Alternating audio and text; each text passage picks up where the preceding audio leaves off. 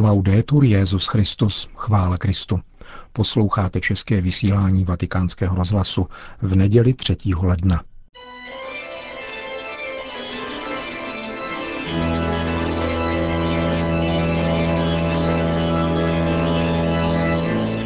Církev a svět, náš nedělní komentář.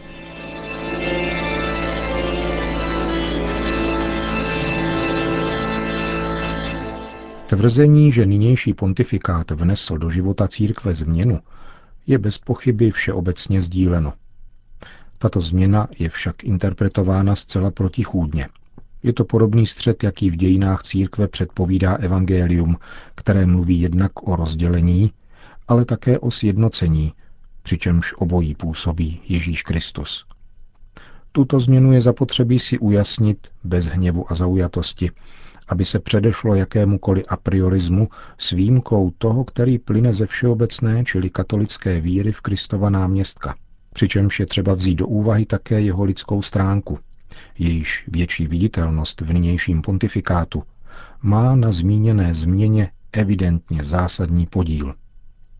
Charakteristické rysy každé změny vysvětnou vždycky až s odstupem času.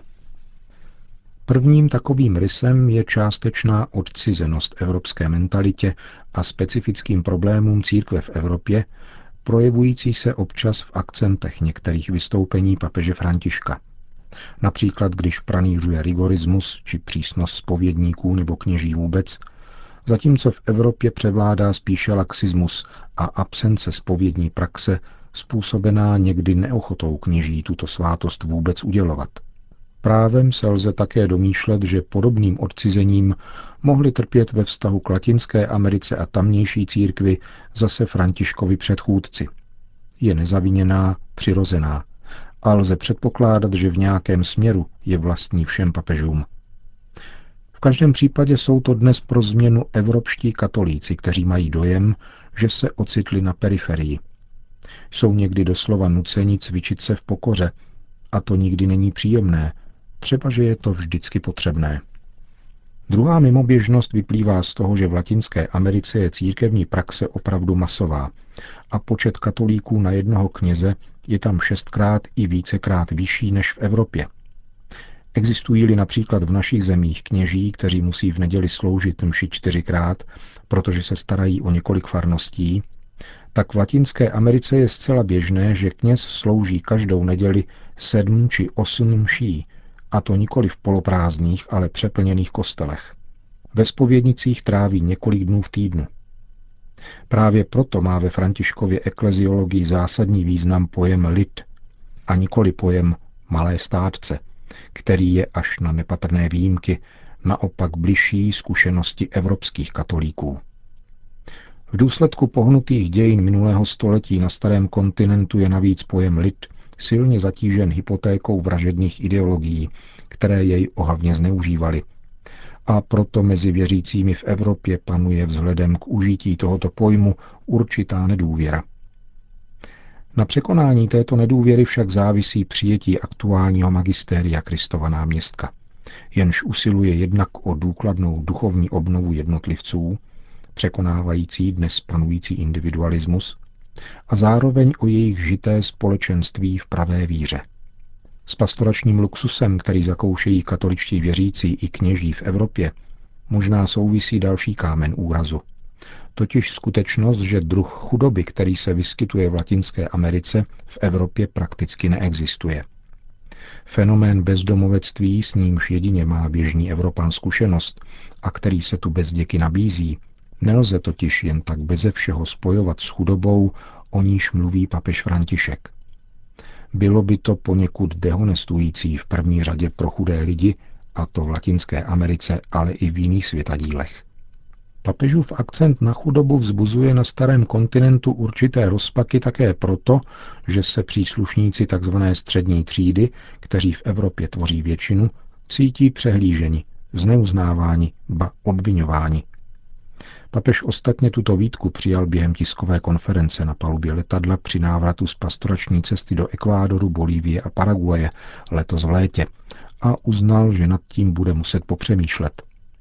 Kromě těchto a zřejmě i dalších nedorozumění vznikajících z odlišného kulturně sociálního zázemí mají na kvalitu recepce nynějšího pontifikátu, zejména v západním světě, nemalý vliv média. Tiskové agentury udávající tón světového spravodajství zaujali k nynějšímu pontifikátu nejen přívětivý, ale přímo lichotivý, ne-li podlézavý postoj. Nejenom na sekulární mediální scéně, ale i ve společenství věřících se pění ód a chval na papežství stalo běžným, i u těch, kteří do té doby o církevní autoritu, mírně řečeno, ani nezavadili. Tento povrchní trend způsobil, že výroky, které papež vysloví v rozhovorech s novináři, chápou někdy jako slavnostní prohlášení ex katedra také někteří věřící.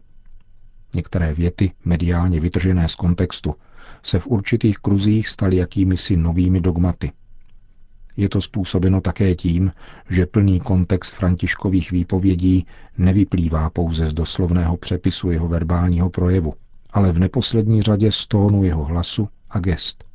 A souvisí tedy s jeho osobním přístupem ke konkrétnímu člověku, jehož má zrovna před sebou. Ostatně právě překypující lidskost projevu tohoto papeže je tím, co do papežské služby František vnesl – Zatímco u jeho předchůdců sekulární média podávala papeže bez zřetele na jeho lidskou stránku a soustředila se, ať již v pozitivním či negativním přístupu, jenom na některá jeho verbální vyjádření, dnes dochází k jevu spíše opačnému. Ze sympatického podání papeže vytlačila sekulární média na okraj pozornosti jeho duchovní rozměr a věrouku. Ve vztahu ke křesťanské víře, tak i přes poněkud hrbaté sympatie k papeži, sekulární média spíše ještě utvrdila svůj přístup, zvaný no comment. Malým příkladem této hrbatosti je například zpráva, zveřejněná u nás na portálu aktuálně CZ, o tom, jak papež František zachránil klimatickou dohodu v Paříži tím, že prý napověděl patrně již zoufalým diplomatům potřebné slovíčko – totiž použití výrazu mělo by se na místo slova musí se vzhledem k přijatým závazkům států ohledně škodlivých emisí. Úsměvné poklonkování papeži působí navíc jako populistický výsměch politikům. To všechno a určitě ještě mnoho dalšího musí mít na paměti věřící při ujasňování si vztahu ke Kristovu náměstku. Sympatie i antipatie je třeba nejen správně rozlišovat, ale také je zasazovat do správného racionálního, ale i věroučného kontextu. Ne každá antipatie odvádí od Boha a ne každá sympatie k němu vede. Platí to i ve vztahu k tomu, kdo je římským biskupem. Nynější pontifikát je zcela určitě mnohem převratnější, než mají za to ti, kteří se domnívají, že církev potřebuje změnu, protože zaostala, přičemž sami sebe za zaostalé nepokládají ani v nejmenším. A na druhé straně je převratnost tohoto pontifikátu mnohem menší, než si myslí ti, kdo nad Františkem plačtivě lomí rukama a sami sebe pokládají za kritérium pravověrnosti.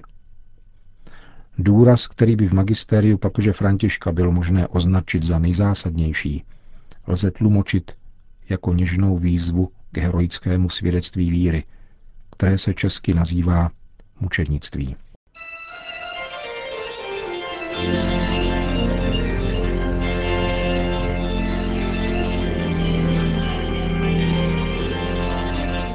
To byl náš nedělní komentář Církev a svět.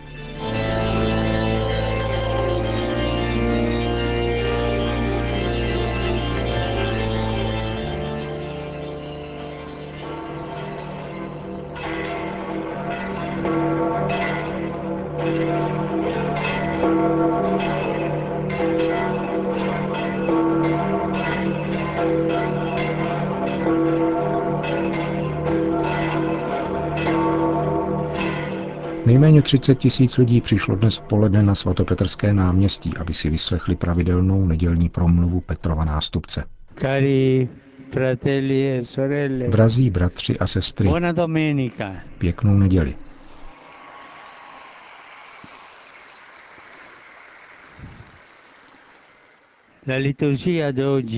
Dnešní liturgie druhé neděle po narození páně nám podává prolog Evangelia svatého Jana – který prohlašuje, že slovo, tedy stvořitelské slovo Boha, se stalo tělem a přebývalo mezi námi.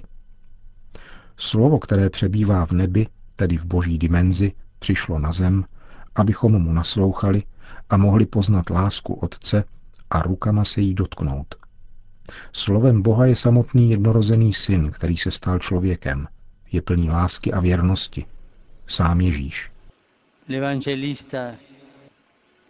Non nasconde la drammaticità dell'incarnazione del figlio di Dio. Evangelista neskrývá dramatičnost vtělení Božího syna a zdůrazňuje, že se dar Boží lásky střetává u lidí s nepřijetím. Slovo je světlem, avšak lidé měli raději temnotu. Zavřeli Božímu synu dveře před nosem. To je tajemství zla, které strojí úklady našemu životu, což od nás vyžaduje bdělost a pozornost, aby nepřevážilo. V knize Geneze je krásná věta, která to umožňuje pochopit. Říká o zlu, že je usazeno u dveří. Běda nám, necháme-li jej vejít. Pak by totiž zavíralo naše dveře před druhými. Namísto toho jsme povoláni otevřít naše srdce do kořán slovu Boha, Ježíši, abychom se tak stali jeho dětmi.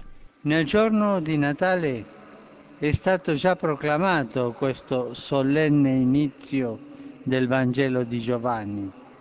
Oggi ci viene proposto ancora una volta.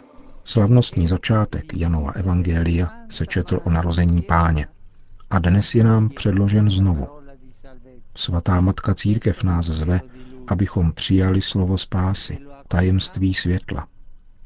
Přijmeme-li jej, přijmeme-li Ježíše, porosteme v poznání Pána a v lásce k němu a naučíme se být milosrdní jako On. Zvláště v tomto svatém roce milosedenství se přičiníme, aby se evangelium stávalo také v našem životě více tělem. Chopit se evangelia, rozjímat jej a vtělit do každodenního života je ten nejlepší způsob, jak poznat Ježíše a přinášet jej druhým. To je posláním a radostí každého pokřtěného. Ukazovat a dávat Ježíše druhým. Abychom to mohli dělat, musíme jej poznat a mít jej v sobě jako pána svého života. On nás brání před zlem, před dňáblem, který je stále usazen u našich dveří, před naším srdcem a chce vejít. Con un rinnovato slancio di abbandono filiale, noi ci affidiamo ancora una volta a Maria. Svěřme se v novém rozletu a synovskou oddaností Marii. Kontemplujme něžný obraz Ježíšovi i naší matky v těchto dnech ve vánočních jesličkách la contempliamo in questi giorni proprio nel presepio. Po společné mariánské modlitbě Anděl Páně svatý Otec všem požehnal. Sit nomen Domini benedictum. Ex hoc nunc et usque in seculum. Aiutorium nostrum in nomine Domini. Qui fecit celum et terra. Benedicat vos omnipotens Deus, Pater et Filius et Spiritus Sanctus. Amen. Amen.